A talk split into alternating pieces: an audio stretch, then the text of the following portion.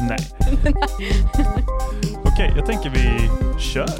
Jeg tror vi skal bare gjøre det. Tror vi skal ska Ja. hoppa rätt in. Okej. Hej och välkomna till Vilken dag er din domedag? En podcast om kapitalismen i antroposen med meg, Jonas Algers fra Manifest Tankesmie og Meg, Hege Skarud fra Attack Norge. Hege, hvordan er leget? Du, nå, nå går det bra. Nå har, jeg, nå har jeg virkelig fått lov til å nerde denne, de siste ukene Ja. på noe jeg aldri trodde jeg kom til å nerde på, så jeg gleder meg sjukt mye Ja. til denne episoden her. Jeg forstår. Hva, uh, vet dere, du har jo nerdet om Nettopp krypto. krypto. Krypto og bitcoin. blokkjede og hele sulamitten. Ja, altså ja, du har jo forberedt deg i et par uker og jeg har jo gledet meg et par uker. Vi har jo kastet skit på Crypto Bros i uh, ganske länge. Eh, men nu ska ju du ta tjuren vid hornen, som man säger i Sverige, och faktiskt gå igenom vad detta handlar om.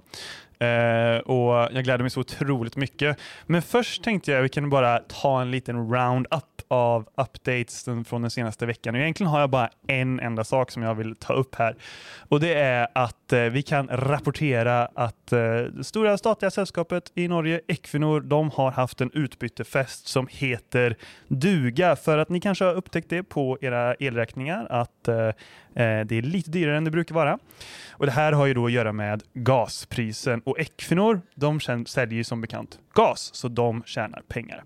Och eh, vid senaste framläggningen då av kvartalsrapporten som handlade om det som kallas för Q4, alltså fjärde kvartalet 2021, då visade Equinor att de tjänar hur mycket pengar som helst. Jättebra, eller hur? Då kan man ju... Jättebra, Ja, det. Så Ca cash, cash in hand til meg, da. Cash in hand. Och, och det är jättefint då, för då kan man ju tänka sig att ah, bra, nu finns resurser för att liksom oh, få fart på det gröna skiftet, investera i uh, all den här nya teknologin som vi behöver. Oh my god, det är så bra. Liksom, det er det de säger. Vi trenger Vi må Exakt, We need to make money exakt. to spend money.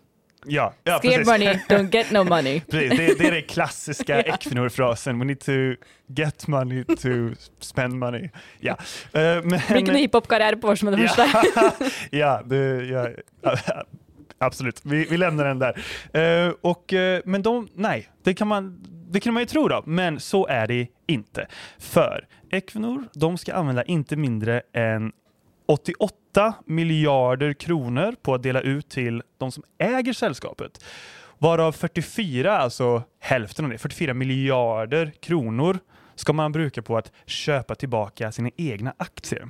Så det blir det ikke noe penger til meg. Nej, det blir blir inga pengar till dig. Eller ja, nej, det blir inga pengar till dig. Eh, visst, man kan ju säga att vi äger Equinor, men det är inte du som får det, utan det läggs över på oljefonden. Eh, och 44 miljarder kronor alltså ska användas till att köpa tillbaka aktier och det betyder ju då att man tar ut aktier från aktiemarknaden. Eh, Equinor äger dem och sen så tar man bort dem och då blir det ju färre aktier på aktiemarknaden. Och då betyder det att värdet på de aktier som fortfarande är ute går upp. Upp, upp, upp. Precis, smart va? Mm. Och det är ju ett sätt att öka värdet på att äga Equinors aktie. Så att trots att färre fler och fler människor är ointresserade av olje och gassektorn, alltså man, man, den aktiekursen går ner, så kan vi, man lyckas hålla aktiekursen flytande. Då. Och det ska alltså användas 44 miljarder kronor till. Det, det är eh, ungefär dubbelt så mycket som Norge, alltså det är i år då, på ett år. Det är ungefär dubbelt så mycket som statsbudgeten eh, eller säga, som, som man stöttade elbilar med över statsbudgeten. Eh, och det är ja, eh, ungefär, eh, ungefär eh, vad blir det då? 20 gånger så mycket som eh, Enova gav i stötte till Highwind-Tampen, eh, som är en sån havvindpark och så vidare. Så ja, jag ville bara ta fram det här, peka på att det är helt galskap. Vi använder pengarna på helt fel saker. Egentlig veldig bra at du begynte der sånn nå, for vi skal snakke mye om markeder og, og aksjer og penger og det ene og det andre i dag. Ja, vi skal gjøre det. Fin, fin inngang. Ja. Begynne litt der. Precis, så vi hadde jo liksom, Jeg tenkte så her, ah, hva er ukens liksom domedag? Jeg hadde ikke noe konkret, men eh, derimot så tenkte jeg at det her er et ganske fint eksempel på hvorfor ja, den ligger inte så långt borta, därför att vi kan ju då uppenbarligen inte använda pengar på något klokt, förutom att bara göra vissa människor rikare. Ja, kom ihåg det sen när eh, eh, vattennivåerna stiger. eh, Okej, men vi kanske ska gå vidare till, eh, till eh, veckans huvudtema. Eh, Det är alltså då veckans cocktail som vi brukar säga här. Både Hege och jag har ju jobbat i bar förut och vi gillar att servera fräscha takes på eh, sakernas utveckling, På den cocktailen som verden er. på den cocktail som världen är. Så eh, ja, jag tänker vi hoppar in. Så jag spör dig bara Hege, vad har du i glassen?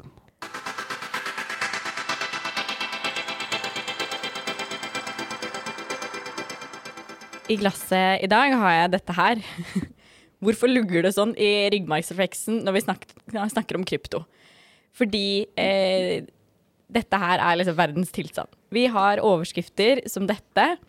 The plan to put bitcoin in mouse DNA with a genetically engineered virus. Signal's founder is trolling with an NFT that'll turn to shit if you buy it. Bruke kryptovarme til å tørke ved.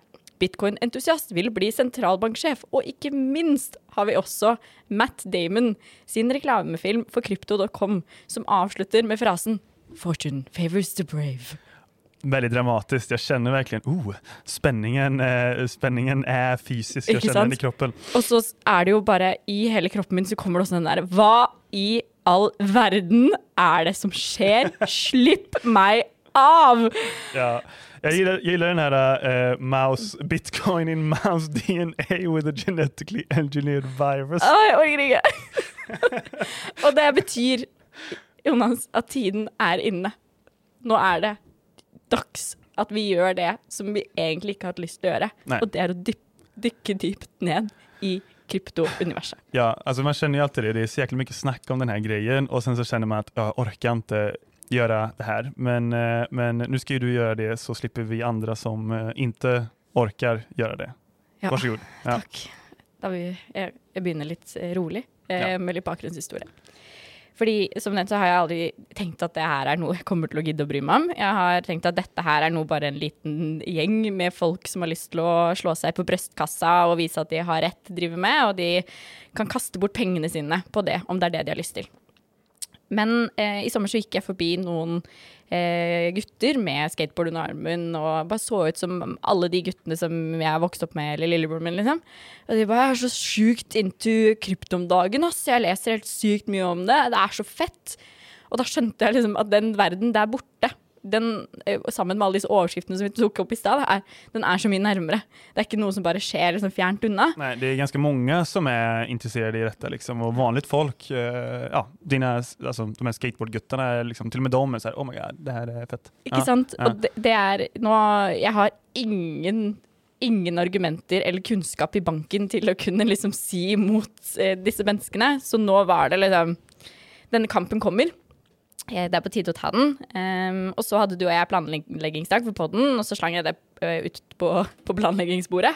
At nå er det på tide. Og så fikk jeg også en forespørsel om å skrive noe om nettopp uh, dette her. Så her sitter vi, og jeg har sittet og lest og lest. Og eh, jeg skal prøve å forklare noe av det jeg har lært de siste ukene, men det jeg liksom har lært mest, er at jeg blir utrolig deprimert av dette her.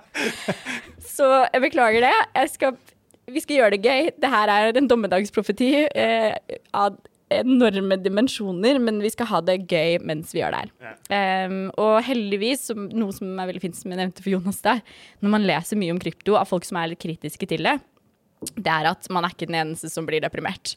For uh, journalisten Mitchell Clark i The Verge skrev det her da han skulle prøve å forklare hva NFT-er er. Det kommer jeg tilbake til senere.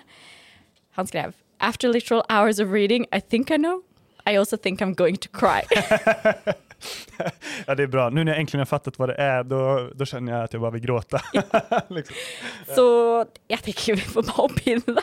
Ja, okej, men jag tänker så här, kanske vi ska bara eh, börja från starten av då. Vad, vad, vad Sören är kryptovaluta då? Ja, du spør jo så godt. Og så er det bare en sånn disclaimer som jeg må bare legge på bordet her for alle som lytter nå. Det, du, man kommer ikke til å skjønne alt. Jeg skjønner ikke alt. Det er greit. Bare plukk med deg noen av de hovedelementene som kommer herfra. Ta de med, hør på podkasten igjen, og så skal jeg eh, liksom komme med noen innspill til hva man kan lese videre. Fordi jeg er faktisk usikker på om jeg skjønner det ennå. Eh, det må jeg bare ærlig innrømme.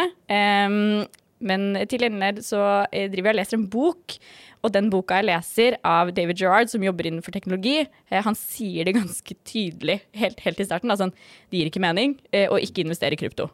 Og da er jeg sånn OK, takk.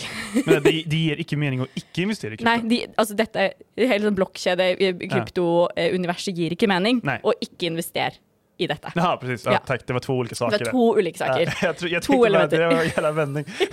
Men det, jo, men det er jo litt det liksom, kryptogjengen driver med. Det er sånn, yeah. Hvis du ikke skjønner det, det gjør ikke noe. Bare fortsett å gjøre det du driver med. Exakt. You'll get it in the end, or maybe you'll make money. Eller kanskje du bare blir blakk. vad, heter, vad heter den här boken? Då? Denne boken heter 'Attack of the 50 Foot Blockchain'. David Gerard. Den er fra en 2017. Veldig spennende og god bok. Også veldig vanskelig, for han jobber innenfor teknologi, så han har en sånn grunnleggende kunnskap som jeg ikke har. Eh, for jeg tenkte at dette Jeg kan økonomi i en stor grad, tenkte at det ble enkelt. Ble ikke det. Men jeg skal prøve å forklare. Eh, fordi man sitter litt og lurer mens man leser om det og hører om det. Er det, liksom, er det et pyramidspill? Er det et såkalt liksom, Ponzi-scheme? Er det et kasino? Hva er dette her? Eh, og det er veldig veldig mye som kan sies her, men jeg skal prøve å holde liksom hele denne cocktailen ganske sånn hovedsakelig. Ikke ta inn så mange elementer. Man vet jo at den kliniske cocktailen er det beste. Um, men først så kan vi prøve å forstå teknologien da, som kryptovaluta er bygget på, og det er nettopp blokkjeder. Og jeg husker jeg leste en artikkel i sånn, eh, 2015-2016 i Aftenposten om eh, blokkjeder, altså blockchain, som det heter på engelsk. Jeg ble veldig fascinert av hele den ideen om sånn desentralisert nettverk. Man skal revolusjonere hvordan man går, inngår avtaler, hvordan demokratiet eh, fungerer osv.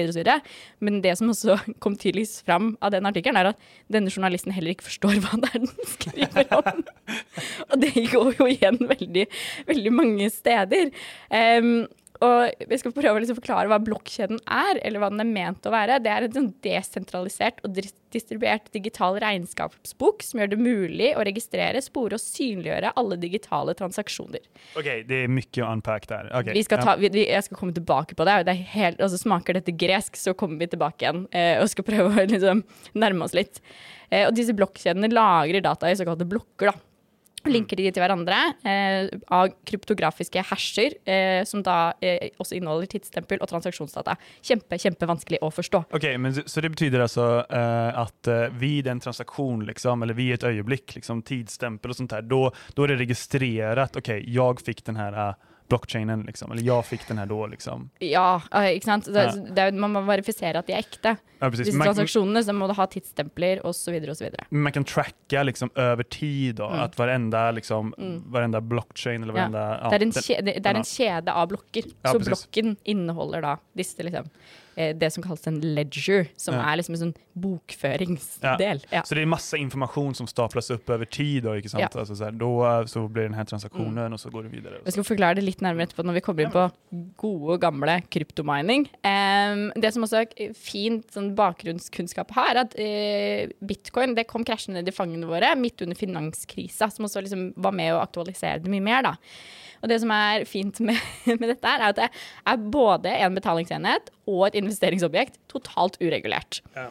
Eh, og det er utrolig treigt. Det er, eh, sånn, for å kunne bruke dette som en betalingsenhet, så kan man kun ta syv transaksjoner per sekund. Det er det bitcoin klarer. Eh, og de, har jo, de starta jo med sånn, men vi skal være utfordrer til f.eks. PayPal. da.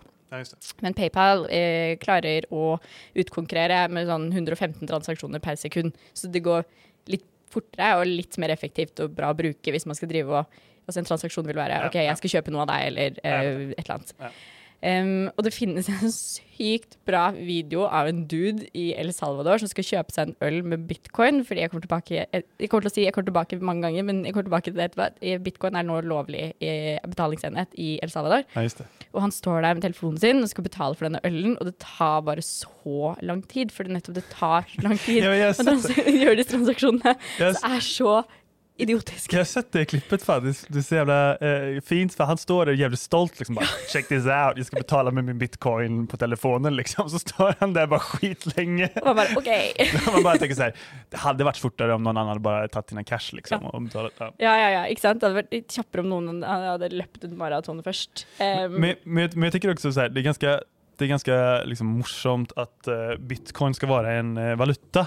For liksom, en sak som när man studerar ekonomi då, så får man lära sig att en, en valuta den ska kunna ha liksom, tre eh, saker, de ska kunna göra tre olika grejer. Den ska vara ett, vara ett värdelager, eller store of value som man säger, det vill säga att du kan liksom lägga dina sedlar upp på, på hög, eller du kan ha ett konto där det liksom är eh, en viss mängd pengar då, som du kan spara över tid. Eh, och sen så två ska det vara ett betalningssätt, det vill säga att vi kan liksom, jag kan ge dig eh, cash eller bitcoin och så, och så får jag någonting annat för det. Eh, och sist då att det ska vara en så kallad unit of account, att man kan liksom mäta, okej, okay, en bok kostar 200, 200 kronor, eh, en, eh, en öl kostar 98 svindyra norska kronor i Norge, eh, och så kan man liksom sammanligna så. Eh, och det, det är det som en valuta ska kunna göra. Och det roliga är ju att bitcoin är ju inte något av det. Nej. alltså, eller på ett sätt är det inte det, för att, för att ett värdelager och måste ju, betyder ju då att det är stabilt, liksom, att man kan spara det över tid. Men bitcoin går ju, värdet på bitcoin går ju upp och ner hela tiden. Så därför är det ju inte ett lager, ett värdelager, utan det är ju ett det är en investeringsobjekt. Du hoppar, du spekulerar i att värdet kommer gå upp, då, eller i alla fall inte ner så mycket som, man, som det kan göra. Och samtidigt, då, då är det också ett helt värdelöst unit of account, för du kan liksom inte mäta så mycket i ja, hur många bitcoins är det, Mm. Därför att det ändras ju liksom mm. så snabbt från dag till dag. Mm. Och sist då, liksom, att när, i El Salvador kan man ju kanske betala för det då, nu när det är en officiell valuta. Men jag menar, om jag har bitcoin och jag går till baren här liksom nere på gatan, då kan jag inte betala med bitcoin. Så uh, Ja, alltså det verkar som att bitcoin har lite liten väg att gå innan man kan klassa det som en riktig valuta då, vill jag bara få sagt. Det, alltså, det som är med att transaktioner tar så lång tid, och den, ja. sånn, det er fordi det er verifiseringen av transaksjonen tar veldig lang tid, for det må skje, eh, skje på blokkjeden, og blokkjeden okay, er, er koblet liksom... til alle serverne som er koblet til blokkjeden. Så det må, liksom, det må så det er liksom bygd inn i selve systemet? Ah, ja, ikke sant. Så, så, det at verifiseringen også tar så lang tid, og at eh, verdien på bitcoin eller kryptovaluta går så opp og ned veldig, veldig fort, gjør jo også at du, kan kjøpe, du skal kjøpe deg noe, eh, en kopp kaffe til denne prisen, mm. eh, men så plutselig, innen transaksjonen har gått igjennom, så koster det noe helt annet. Ja, Ikke sant? så, så, det er jo bare og, og, det er om transaksjonen går igjennom i det hele tatt. For det. det er jo ikke alltid den gjør det heller, for der er det jo mange ting eh, som skjer på en og samme tid inne i denne blokkjeden. Men det, det, det er jo interessant, for når det har de her åpenbare bristene, da, liksom, eller utmaningarna kan man ju säga, lite mer diplomatiskt. Det, då är det ju intressant att det har fått så stor liksom, eh, eh, popularitet och liksom genomslag i, i vårt samfund. Då. Man kan ju säga att det är en slags liksom, ganska stark ideologi som har liksom byggts upp kring det här om att eh, bitcoin är fett, liksom, eh, decentraliserat pengeflyt och, och, så vidare. Kan du inte lite säga lite om vad, vad som är ideologin eh, bakom det här och idévärlden bakom, eh, bakom krypto? Ikke sant? Fordi man tenker jo at det er eh, beklager til alle som potensielt eh, er medlem av Unge Venstre. Man tenker det er litt sånn uberliberalister, Unge Venstre-greie. Men det er knyttet ganske mye til liksom konspiratorisk ytre høyre eh, her også. Um, som mener liksom at sentralbanken er korrupt og forgjelda, og, og, og, man er nødt til å komme seg liksom ut av dette. Og det er nettopp det du nevner, er at vi da vil ha et desentralisert pengesystem som ikke staten är involvert i. Ja, precis. Man, kommer, man kommer bort från kontroll från liksom, eh, den sentralmakten. Liksom. Ikke sant? Ja. Jernhånden til mm. det statlige mahuta. Og det høres ut som oppskriften på et helvete, og well it is. eh, og det her er liksom det anarkokapitalisme på sitt desidert beste ja. og verste i en teknologisk verden. Jeg, jeg, tenker litt på, jeg får litt assosiasjoner til liksom, antisemittisme på ett sett, da, når det handler om liksom så her, man kan lite på finansen og den korrupte liksom, eliten som, som styr eh, mm. världsekonomin. Liksom. Eh, det har ju lite det, liksom, att mm. säga, ja, men det är decentraliserat, jag har mina, jag har mina pengar under madrassen. Liksom, så, så, inte de här, det är lite, du, du kan liksom egentlig bare gjøre det. Du kan putte ja. pengene under madrassen, ja. de er tryggere der. Ja. Det kan man si. Men, og det, det, som da ligger der, er at ok, men hvis vi har denne blokkjeden som alle som er med Eh, inni dette universet koblet på, så kan man gjøre transaksjoner som man aldri kan eh, forfalske, fordi det sendes kopier til alle eh, mm. de PC-ene eller serverne som er der eh, koblet opp. ikke sant? Så du kan aldri forfalske ting. Dermed er det mer tillit innenfor dette systemet ja. enn til f.eks. en sentralisert institusjon som sentralbanken. Ja. Um, og det de skal fikse, er jo da nettopp pengesystemet, de skal fikse staten, de skal fikse hele kunstverden f.eks. med eh, blokkjede som da tar bort statsinvolvering. Og dette her er uten noen analyse av liksom, hvilket økonomisk system disse aktørene har pakket inn per i dag. Eh, og det er jo også eh, veldig spennende. Og husk at det er, det er veldig lite produktiv aktivitet som ligger inne her også. Det er, veld, det er spekulativt. Man spekulerer. Det er liksom den eh, del av finans... på en måte verden eh, der inne eh, har man laget. Og det er, ikke noe, det er ingen som lager noen produkter her, men så kan kanskje selskapet koble seg opp, da. Jag fattar. Alltså det är, vi ska bara unpack det lite med produktivt. Alltså det betyder att om du köper bitcoin och liksom satsar på att värdet kommer gå upp så har inte det någonting att göra med den faktiskt reella Reella ekonomin. ekonomin. Nej, någon produktion bakom liksom att säga ja så får vi, eh, jag vet inte, fler, eh, pff, I don't know, um, telefoner eller datorer eller saker, eller mer tjänster utan det är bara rent så här, jag chansar på att några andra människor kommer vilja betala mer för det här om eh, fem dager enn vad de gjør nå. liksom. Ikke sant? Det er derfor man ikke brydd seg så mye om det heller. Sånn, ja ja, whatever. Kjør på det der eh, kasinoet deres, eller hva det er, dere, pyramidespillet dere holder på med. Men, men det har konsekvenser for den ytre verden også, som vi skal komme inn på etterpå. Mm. Så må jeg bare påpeke at det er ikke desentralisert. Uansett hva de sier, så er det jo egentlig ikke desentralisert. Fordi man har en rekke institusjoner, som eh, f.eks. børser, de, fleste sverger til for å enten oppbevare, kjøpe eller selge kryptovaluta. Og det gjelder også da NFTs, disse eh, kunstverkene som vi skal komme tilbake til. De er lagra på sentrale plattformer, og det eneste som er lagra på blokkjeden, er da eh, lenken til de, liksom. Em, så de har skapt det her i et sånn anarkokapitalistisk vakuum, og så gjenskaper de samtidig en del av de samme sentrale institusjonene som de også liksom sverger til at de har kommet seg vekk fra just in the first place. Ja. Men det har de ikke. Det er skitbra så här, istället för att vi är kontrollerade av liksom, faktiska myndigheter som har någon slags liksom, demokratisk... Reguleringsmyndighet. Ja, som har noen någon slags liksom, demokratiskt ansvar så är det så här, eh, den här snubben eh, som har en eh, Dogecoin-logga liksom. Han får kontrollere mine sparepenger, liksom. Ja, ikke sant? Det er helt idiotisk. Og jeg leste også at eh, hvis du glemmer passordet ditt til innloggingen, så blir også bitcoinsen din borte.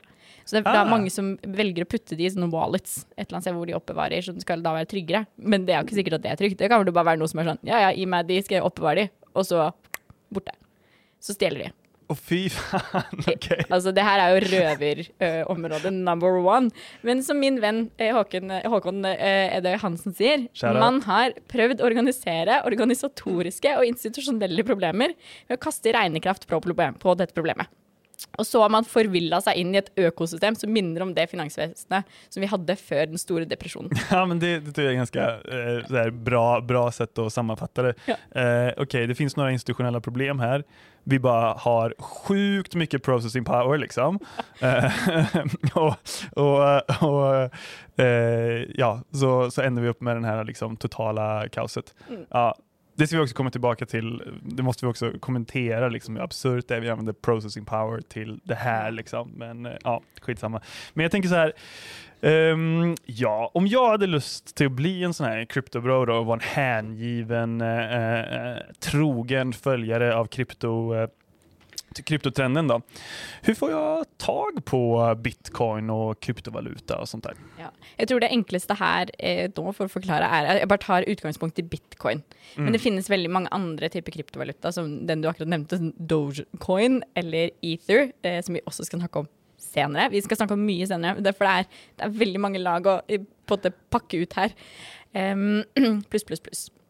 Men eh, kort sagt så får du tak i bitcoin enten ved å kjøpe en, em, eller selge noe i bytte mot bitcoins, eller å utvinne, eller det å mai, som det heter, å mine egne bitcoins. Så la oss se på mining av bitcoins. Det er jo det mest spennende, for de andre tingene gir jo veldig mening her.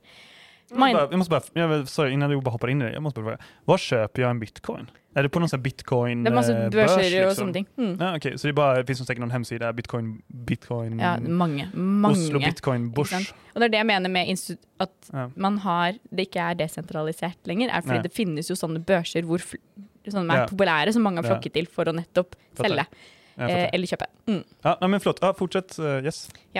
Og det som er, da må vi ta utgangspunkt i denne blokkjeden som vi snakket om i stad. Der er kjeder av flere blokker. ikke sant? Det er det som mining skal gjøre, er å tilføre nye bitcoins til hele blokkjeden. Og det gjøres ved at uprosesserte transaksjoner tilgjengeliggjøres over bitcoin-nettverket. Er Hold tunga i munnen. Jeg skal prøve å forklare dette så godt jeg bare kan, men det kommer ikke til å gi mening, fordi det gjør ikke det. det betyr at gruvearbeidere, eller disse minerne, skal Gruvearbeidere. Ja, jeg synes det er så gøy at man kaller det mining. Alle virkelige gruvearbeidere der ute i verden bare oh my god. De skal hente ut eh, da de blokkene av transaksjoner og den krypto kryptografiske hashen, som er et 64-sifret heksadesimalt tall, som er mindre enn eller lik målhashen som er lagt ut. Og så skal de sette det sammen.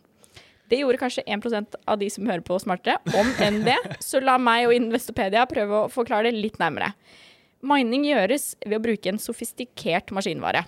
Eh, og er det, det er en stor maskinvare som klarer å løse et ekstremt komplisert beregningsmessig matteproblem. Den første datamaskinen som finner løsningen på dette problemet, blir tildelt den neste blokken med bitcoin. Så tjener man en bitcoin på å løse dette matteproblemet. Om en datamaskin gjetter og ikke har riktig løsning, så må den prøve igjen. Og la meg bare understreke at disse matteproblemene har ingen annen reell verdi enn å se hvem som kan kaste bort mest mulig energi fortest mulig. Alltså det är helt förfärligt. Jag tänker på när man var liten och gick i skolan liksom och skulle lösa matteproblem och bara kände varför gör jag det här? Det här är helt förfärligt. Waste of my time. Eh, men, eh, men nu har vi liksom byggt en massiv industri som använder liksom processorkraft till att göra ännu mer avancerade matteproblem. Alltså jag tänker så här, vem tycker att det här är bra användning av resurser liksom och tid? Ja, det, det er et helsikes godt spørsmål, Jonas. For det her tar lang tid å løse disse matteproblemene, og det skal de gjøre også. Og det bruker ekstremt mye energi. Det skal kun være én såkalt vinner per tiende minutt. Så det skal kun være mulig å mine én bitcoin per minutt.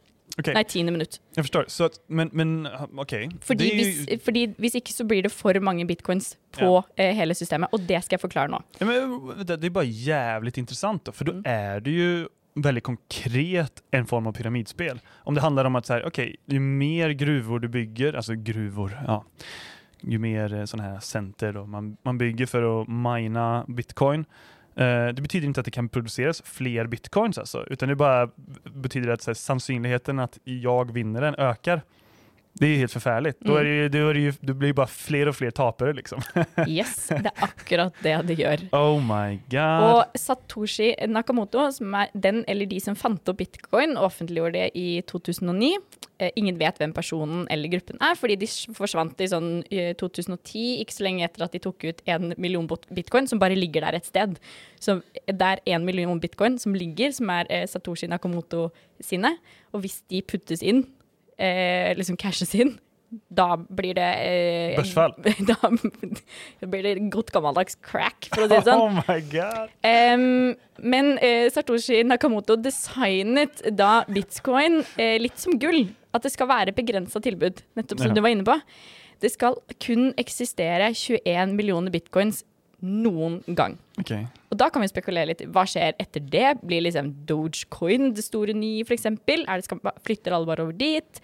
Spiller det egentlig noen rolle? Eller har vi kanskje bare minet oss til økologisk kollaps innen vi kommer oss dit? Og da vil jeg bare si at det er ca. to millioner bitcoins igjen som kan bli henta ut. Og det hentes ut én hvert tiende minutt. OK, så altså vi kan nå opp til, til 21 millioner bitcoins og vi har 2 millioner bitcoins igen innan vi Mm. når dit liksom. Mm.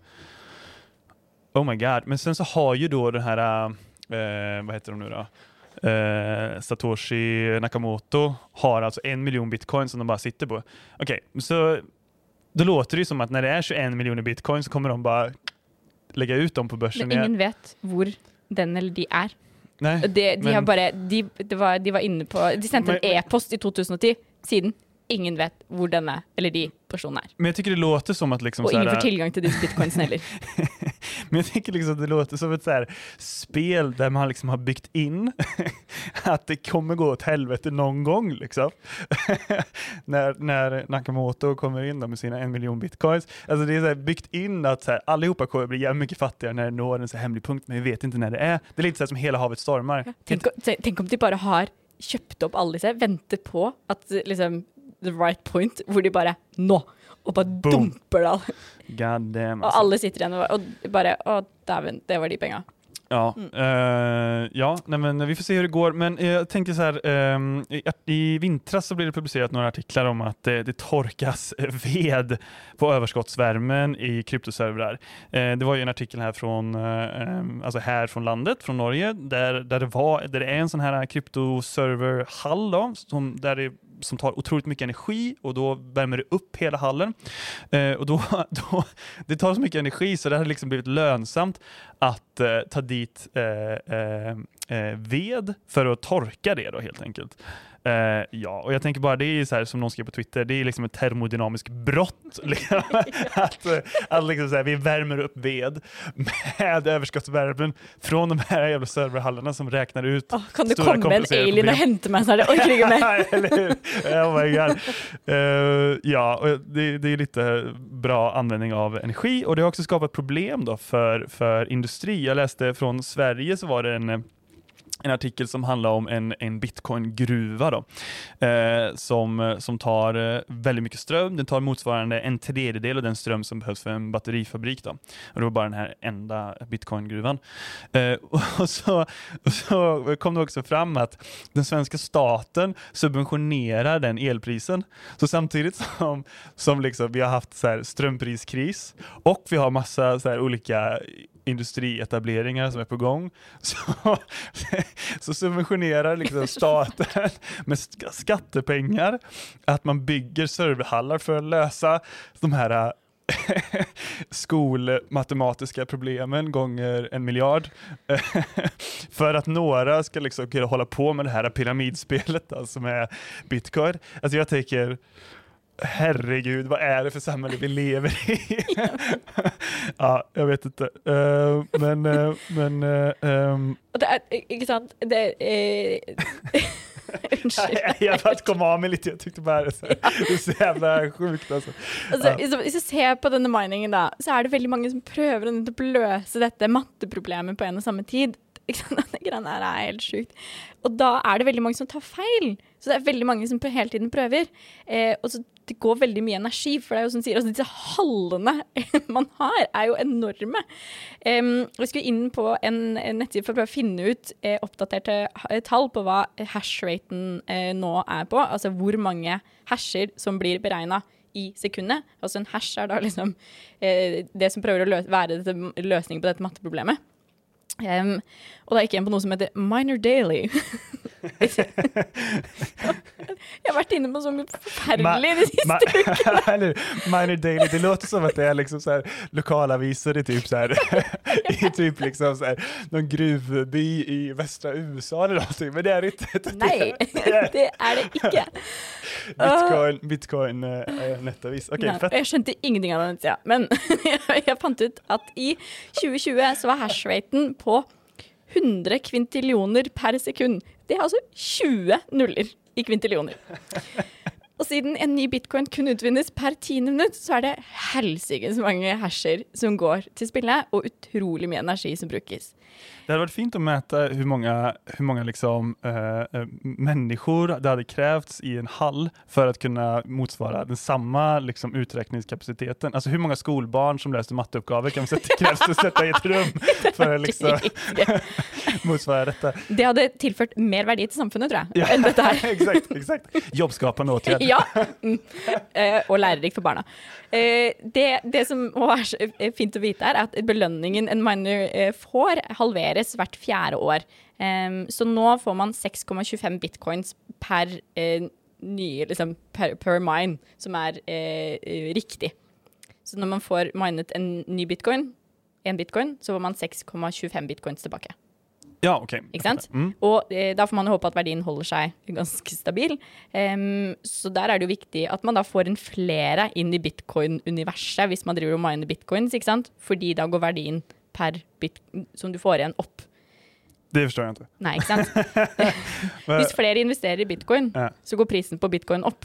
Ja. Eh, Da er den verdt mer, ikke sant? Ja, ja, ja. Mm. Så når du da miner, da, da er de 6,25 bitcoinene verdt mer ja, hver eneste gang. Ja, ja, ja, ja. ja precis. mm. Så, så hvis du har noen sånne- det, ja. det er liksom Det er helt seriøst et, eh, et pyramidspill, Ja, altså. man kan på en måte si det. Det form- diskuteres mye en form for det. Det er bare, det er bare enda mer intrikat enn det. Ja, Liksom. det er bare mer avansert, Ja. liksom. Og mer jævlig. Ja, ja. Så, vi, Herregud. så jeg snakket med en venninne for ikke så lenge siden eh, da jeg drev og ranta om et eller annet om krypto. Hun ba jeg, har jo en kompis som er i innboksen min hele tiden som driver maser om at han begynner å investere i bitcoin. Det er Mm, nettopp fordi man må liksom lukke gapet bak seg. Man Ja. må ha flere inn, så man ikke ender opp med å bli taperen. Ja, ok.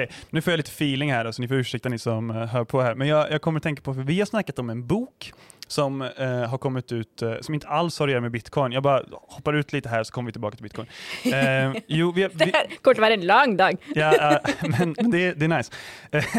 Eh, vi har snackat om en bok som heter Free som är skriven av Lea Ypi som är en albansk eh, eh, politisk ekonom. Hon är på London School of Economics och hon har skrivit, hon är, hon har skrivit om sin uppväxt under tiden när Albanien gick från totalitärt kommunistiskt styre till, till väst. Då.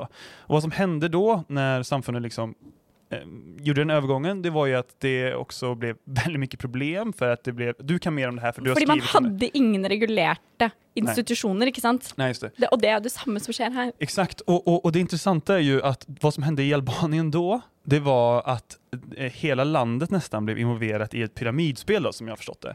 Eh, och och eh, ja, de investerade här och som, som sen kollapsade och skapade enorma ekonomiska problem. Borgerkrig også. Och borgerkrig till och med. Ja, jag kan inte ett skit om Albanien, men jag har bara läst på baksidan om den här boken. Det låter skitspännande. Men, men, eh, men eh, jag bara tänker liksom så här, alltså, det här har ju någonting att göra med att vi som samfund kanske saknar liksom samhällsprojekt. Alltså tänk på alla de här eh, säkert jätteduktiga liksom, tech bros som kanske, jag vet inte, har potential att vara bra på, jag vet inte, någonting.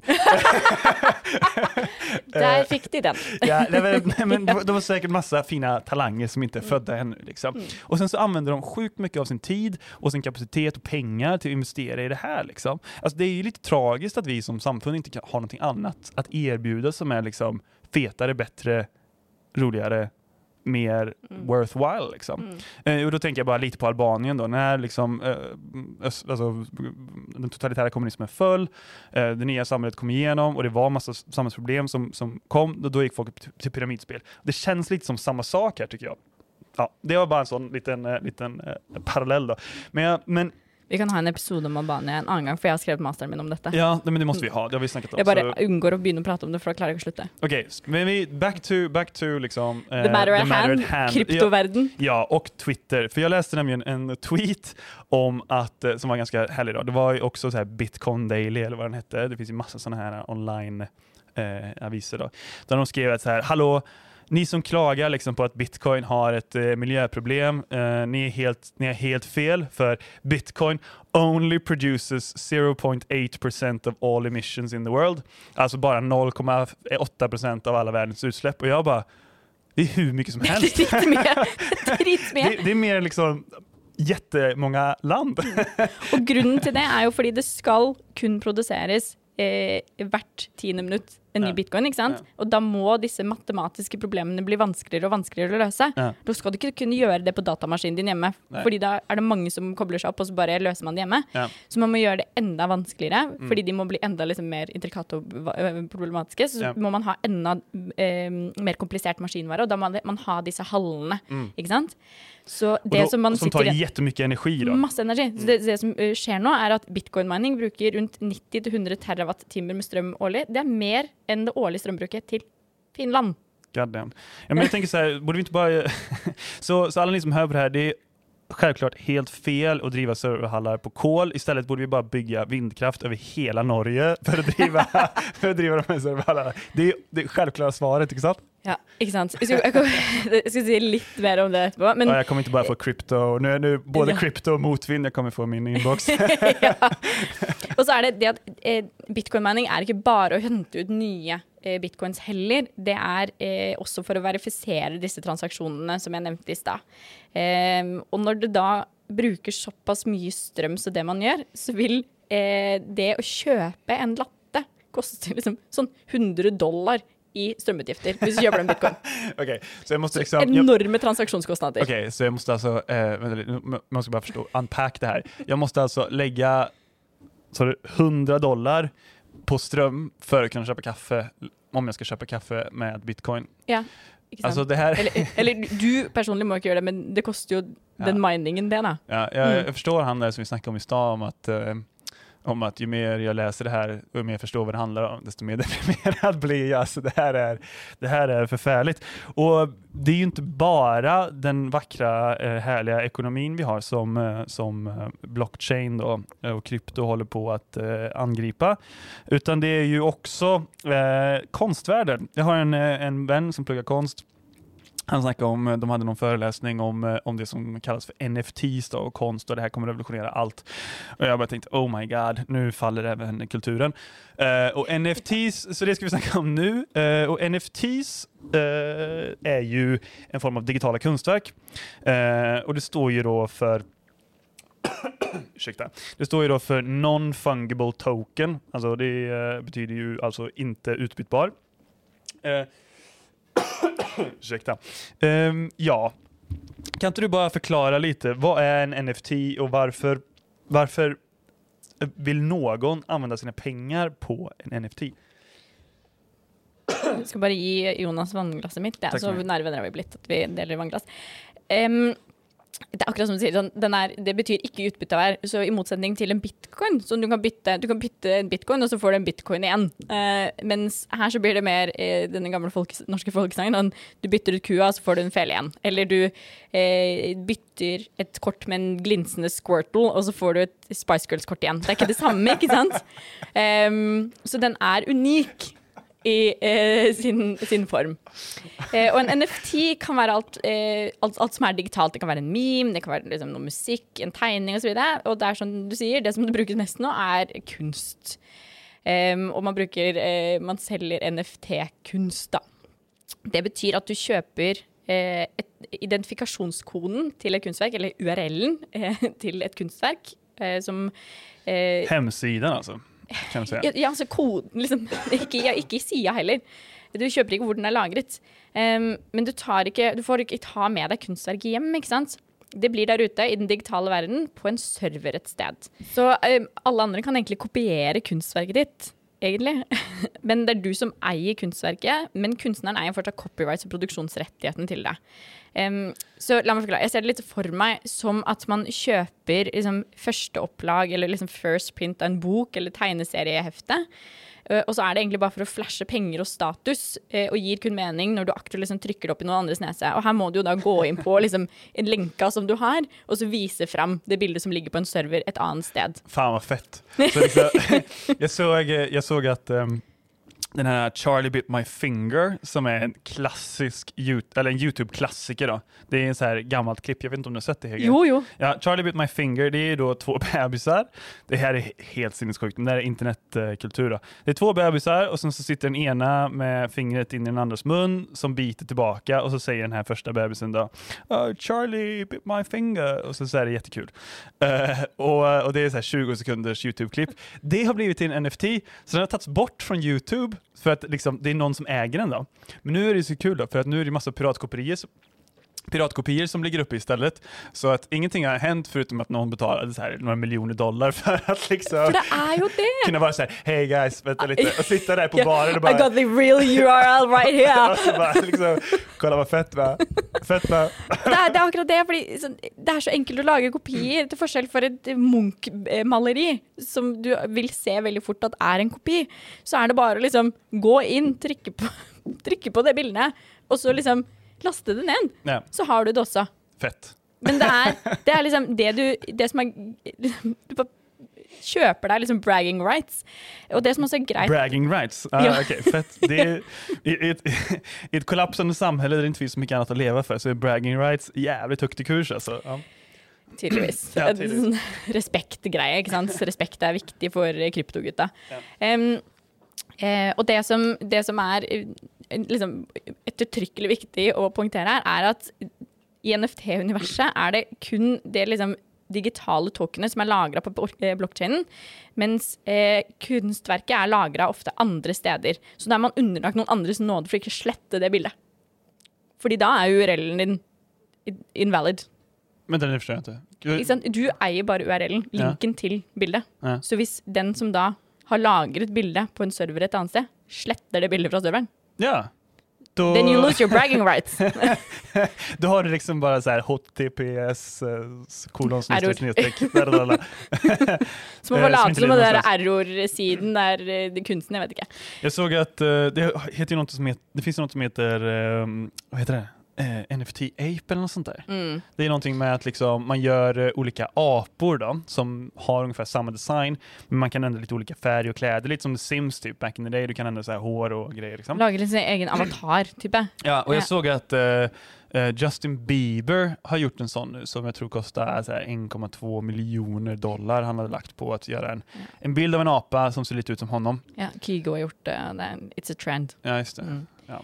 Um, er liksom, folk bruker jo helt sjukt mye penger på det. En NFT ble solgt for 69 millioner dollar i år en gang. Det er en Beeple. Eh, og det er også via Det som er også spennende her, er at man selger de via eh, allerede liksom etablerte auksjonsselskaper, byråer. Mm. Eh, så det er Christies som det her ble solgt gjennom, som ble etablert i sånn 1766. Se for deg de gamle mennene som er sånn Å, faen, må vi drive med det her òg? Som nå må Altså, man blir tvunget til å liksom akseptere bitcoin-universet, da Ja, ja, ja. eller kryptouniverset i en stor grad.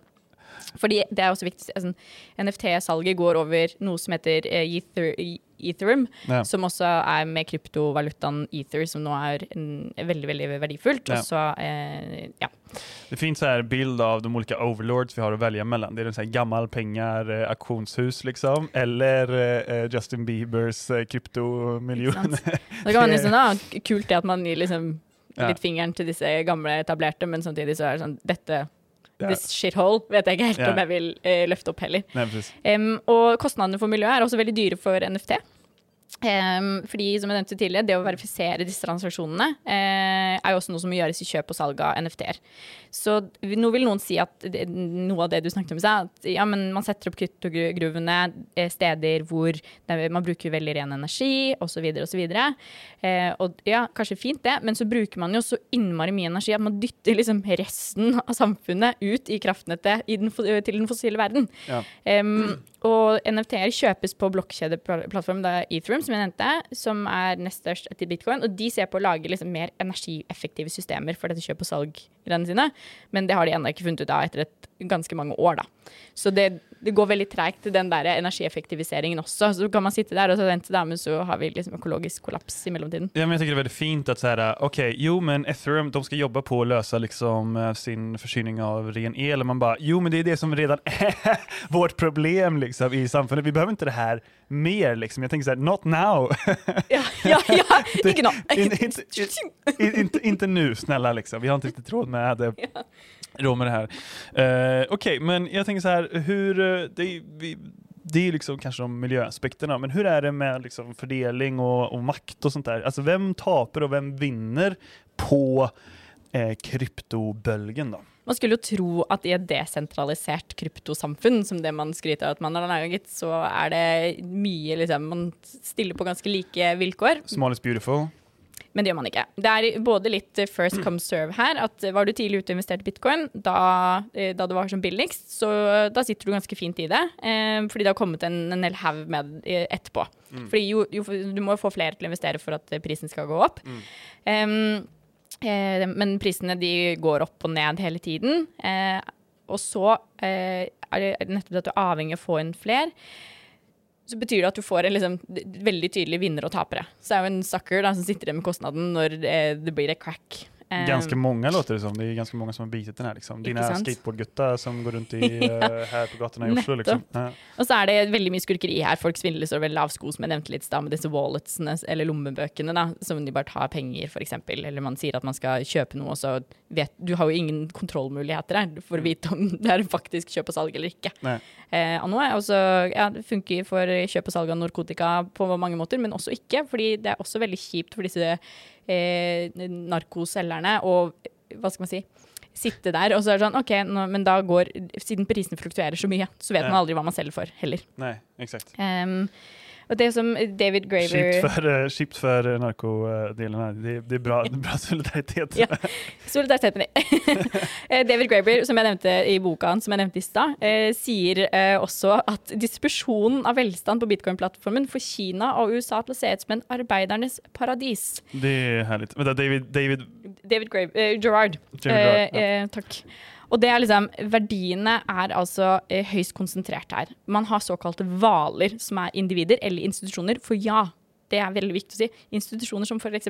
hedgefonds eller kapitalfond, som BlackRock, de investerer også i bitcoins. Eh, og de holder store andeler av tokens fordi de har eh, mm, eh, altså mye valuta eh, i den virkelige valutaen, og så kan de også kjøpe mye kryptovaluta. Uh, og da kan man plutselig ha åtte hvaler som sitter på 70% av alle de kryptovalutaene, hvilken en valuta man har. Og da har de ganske mye makt over dette kryptomarkedet, ikke sant? Men vent litt, Stem, altså, Si det igjen. Altså, sitt, är det åtte sånne valer eller institusjoner som sitter på 70% av alle kryptovalutaene? Ja, altså dette her skjedde i februar 2021, så falt verdien til kryptovalutaen eh, Ether fra eh, 1628 dollar til 700 dollar på ett minutt på kryptobørsen Kraken.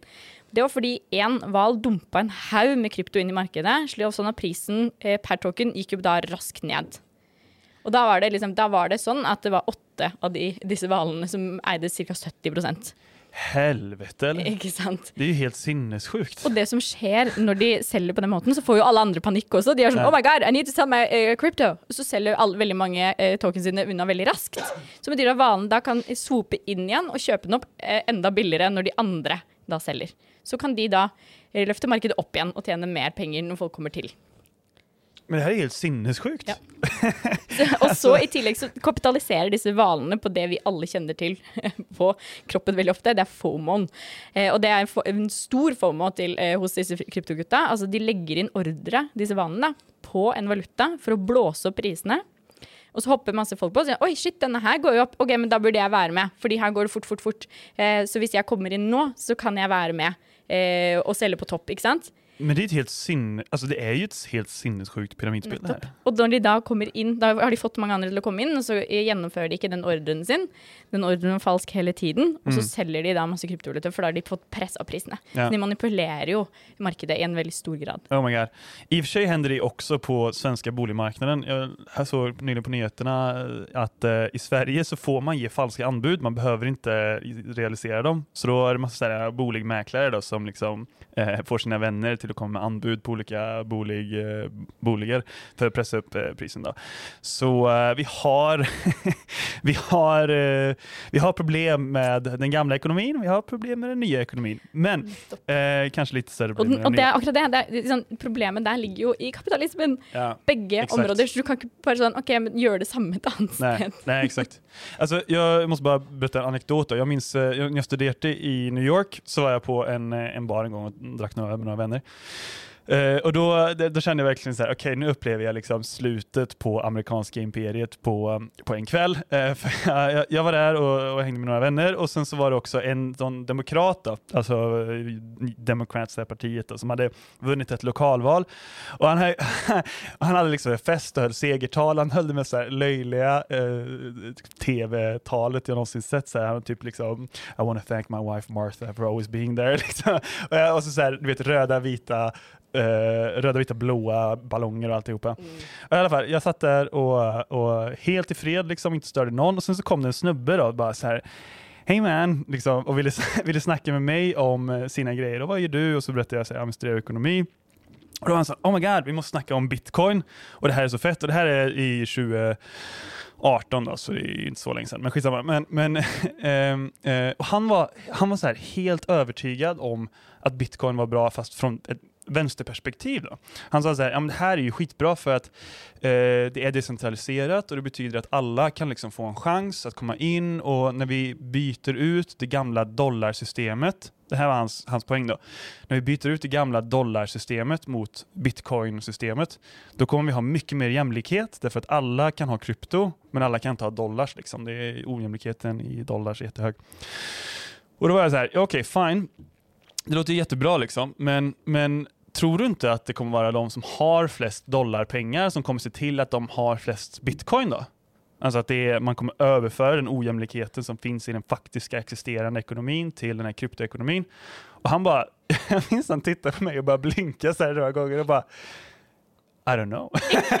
Det er ikke sant? det er det som er sånn Hvorfor liksom lage et nytt sted med de samme problemene istedenfor å bare fikse det her? Ja precis, han hade liksom inte, det var så härligt att han hade liksom aldrig tänkt på det, att det kunde vara så att så här, ja okej, de som har jävligt mycket pengar, de kommer se till att de får flest bitcoin liksom.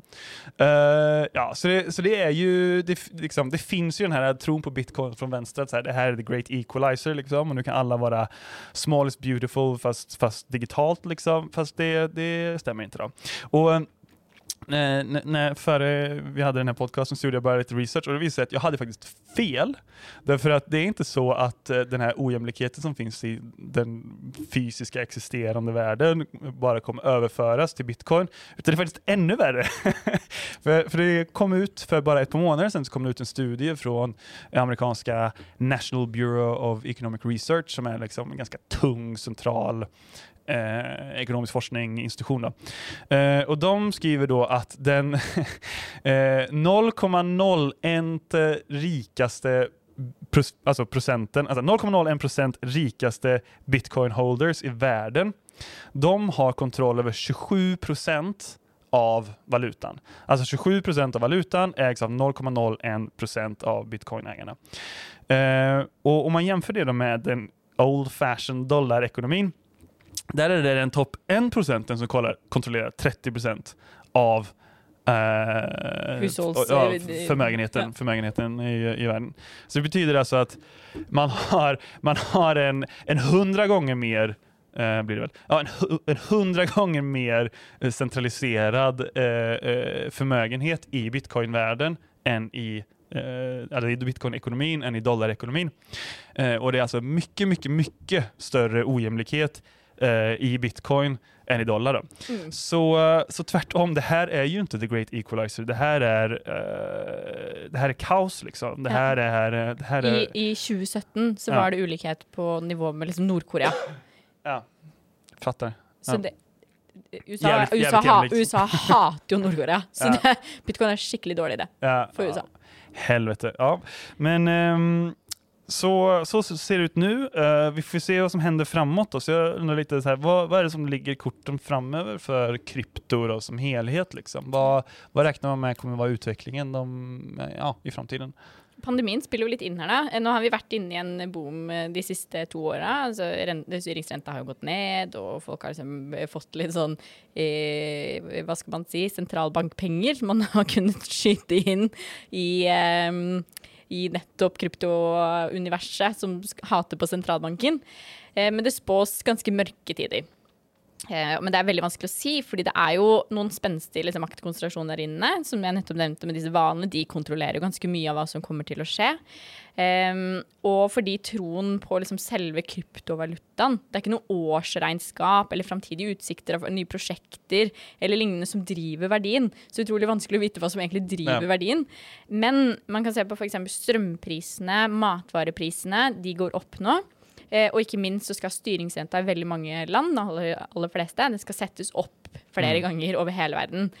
Eh, og da er det stor tro for flere at det kommer til å påvirke hvor mye fersk kapital som da kommer inn i kryptoverden. Og om det potensielt blir sånn at flere da trekker sine investeringer ut igjen eh, og putter dem kanskje andre steder fordi avkastningen blir for dårlig. Eh, og da er det de som har minst, som vil tape mest. Fordi de allerede hadde mest å tape i utgangspunktet her. Nei, Så det vil jo forsterke ulikheten i en stor grad, og det vil da uh, på, manifestere seg ganske mye ut i liksom, realøkonomien og, Ja. og verden vi lever i her ute, da. Og det som òg er eh, gøy og i framtiden til, til krypto, er at El Salvador de har nå gjort bitcoin til en lovlig betalingsenhet. Mm. Em, og det har blitt argumentert med at dette her vil skape en flom av investeringer inn i El Salvador, som er et lavinntektsland. Ja, og en diktatur kan vel også nevnes, som er stødd av USA for øvrig. Da er det enkelt å liksom ja, da, er det, da er det enkelt å bare komme med en ny betalingsenhet. Ja. Og IMF eh, de tror da at IMF vil liksom nærmest ukonkurreres i hvilken makt de har over El Salvador, for der er det jo mye makt og mye gjeld og eh, slike ting. Men eh, det er jo ikke sånn at det er El Salvadors fattigste som vil få tilgang til bitcoin, som i dag, jeg var og sjekka i stad, koster 42 630 dollar per bitcoin. Jævla! ja. Og det er ned ganske mye fra hva det var i fjor. Eh, da, da, var det sånn på 68 eller noe. Eh, 1000. Og så vil smått næringsliv også være skadelidende om de tar imot bitcoins, fordi, nettopp fordi det sa jeg eh, prisen eh, fluktuerer såpass raskt, og transaksjonskostnader er veldig høye, og så kanskje de ikke transaksjonene går igjennom i det hele tatt. Ja. Men hva faen, altså, enda en sak bare. 42 mer enn 42 000 dollar per bitcoin. Fins det da liksom bitcoin-øren liksom, som man deler opp til i mindre enheter, eller? Um, nei, det tror nei. jeg ikke. Jeg er usikker på. Fint sånn Next episode. Bitcoin-øre. ja, kanskje det ikke gir noen noe Ikke sett griller i hodet på noen. Nei, oh God, jeg er usikker på. Um, men, men, IMF i seg sjøl er, sånn, eh, er, jo ganske kritiske til dette her eksperimentet. Og det er ikke fordi de er redde for at de skal miste makten sin over El Salvador, um, men nettopp fordi de mener at eh, å ta inn bitcoin vil radere El Salvadors liksom, finanspolitiske handlingsrom eh, ganske mye. For da kommer det Det er vanskelig å regulere, det er ikke regulert. Eh, og alt vil på et eller annet tidspunkt come crashing down. Og da vil IMF få mer makt, fordi de må komme med nye bailouts, ikke sant? Ja. Så, uh, så IMF mener liksom at uh, om vi fortsetter så her, så kommer vi behøves mer. ja, rett og slett. Så det dere egentlig gjør, er det motsatte av det dere vil, er å gi oss mer makt til religionsslutt. Og så skal jeg avslutte med sitat fra den tidligere greske finansministeren, økonomen og allround superintellektet Janis eh, Varoufakis eh, som jeg ikke sier riktig, men han er helt nydelig. Eh, og jeg har oversatt dette her selv eh, i hui og hast i dag, så den er kanskje ikke helt nydelig eh, oversettelse, men eh, den sier seg selv. Blockchain vil være nyttig i samfunn som er befridd fra den ekstravistiske makten fra de få som vi ser i dag. Men blockchain vil aldri befri oss. Og det er litt på det han møtte i den baren i USA. ikke sant? Ja, blokkjede blockchain mm. kanskje kan være bra, men da må vi endre de strukturene mm. som vi lever under i dag. Ja.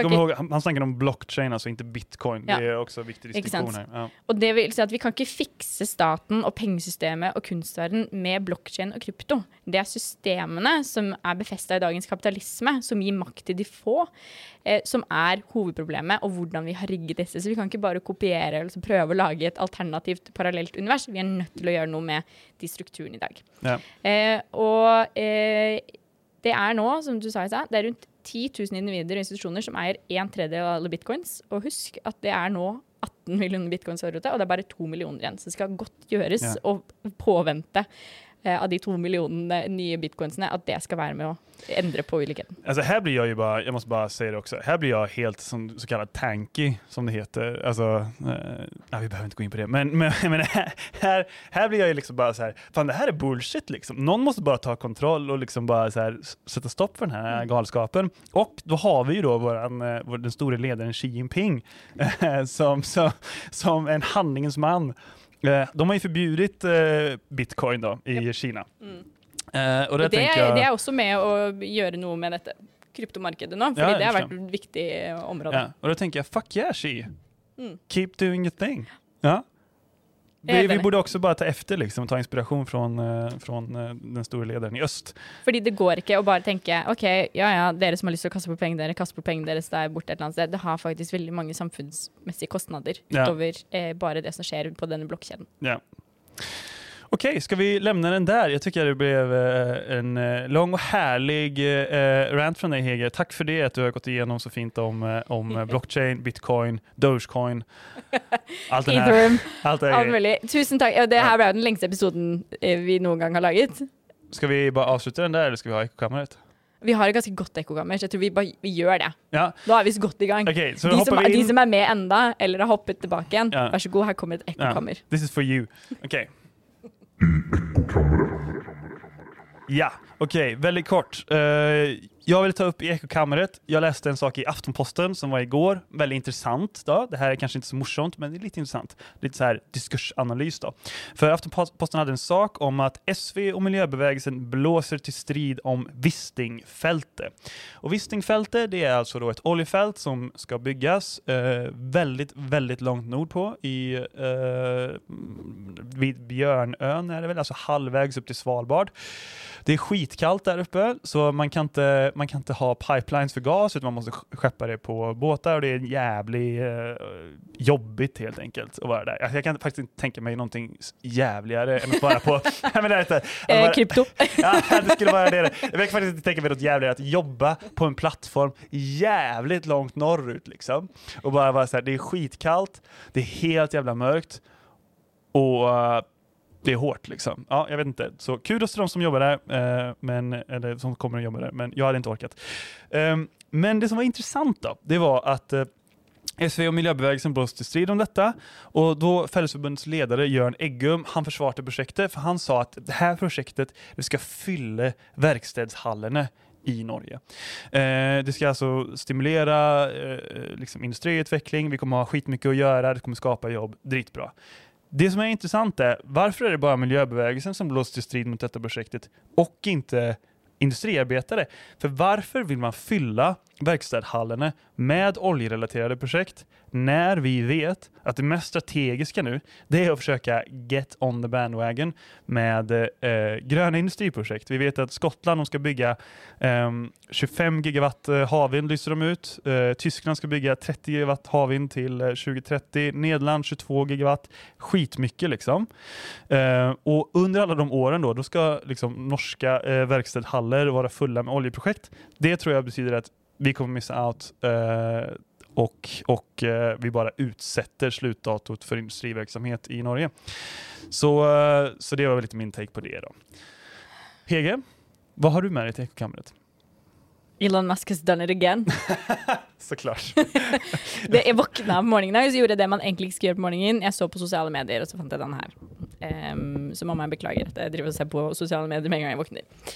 Men Elon Musk har donert eh, bort til veldedighet nesten eh, 6 milliarder dollar i eh, verdi av eh, Tesla-aksjer, da. Eh, og det var mellom 19. og 29. i november i fjor.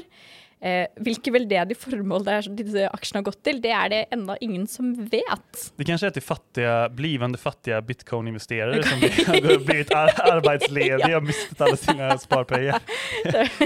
Akkurat det der. Ok, men da var nei, men, eh, så er man sånn Men så fint, han donerer bort til veldedighet. Det er jo bra. Eh, og så er jeg selvfølgelig kritisk. Hvorfor er jeg kritisk? La oss se på to ting.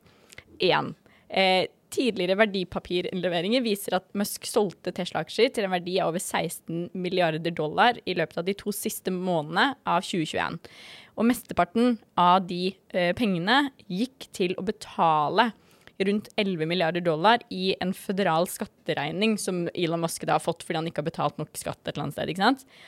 Em, og det som er donerte aksjer, de er ikke underlagt da skatt på kapitalinntekt. Ah, mhm. Og verdien eh, av de aksjene som da gis bort, kan brukes som et fradrag for å kompensere på den skatteregninga som Musk driver og betaler ned på. okay. Det er nummer én. Og så, ved å gi bort aksjer til flere, så er det jo da flere interessenter i et gitt selskap, ikke sant? Og da er det altså her Tesla. Så Tesla-aksjer kommer å bli det nye pyramidspillet i framtiden? Ja. Og da eh, er det jo flere som har interesse at det går bra med Tesla, fordi de har aksjer i Tesla. Eh, og da må reguleringene være i favør av Tesla.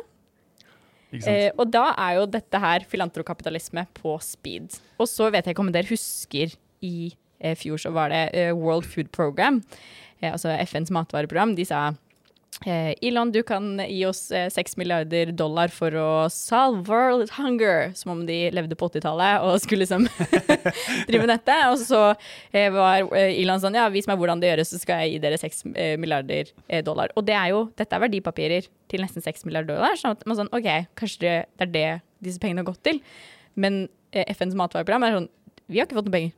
Så, ikke sant. Så det er ikke noe sted. Så det som Forbes tror, er at pengene sitter i en såkalt DAF.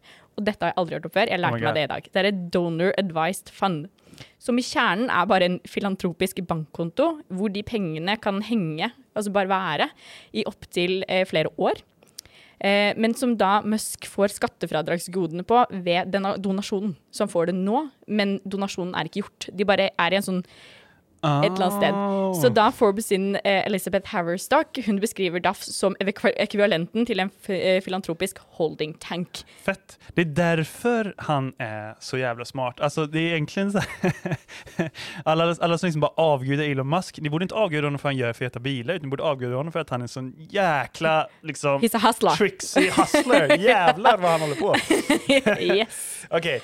Gratulerar Elon. Eh, eh, du har gjort ett jättefint eh, arbete för alla hustlers där ute och visa hur man ska göra. Uh, ska, vi, skal vi lämna den der, kanskje? Det gjør vi. Tusen hjertelig takk for at dere hørte på. Jeg håper dette her ga mening, og jeg sa sikkert masse feil, fordi det er helt sykt Ja. vanskelig å vite hva som er opp og ned og bort og fram Alle, krypt, kryptobros och motvindentusiaster, vi ses i mailkorgen. Ha det bra. Ha det. Hei. Uh, Gud, nå er jeg svettbørne.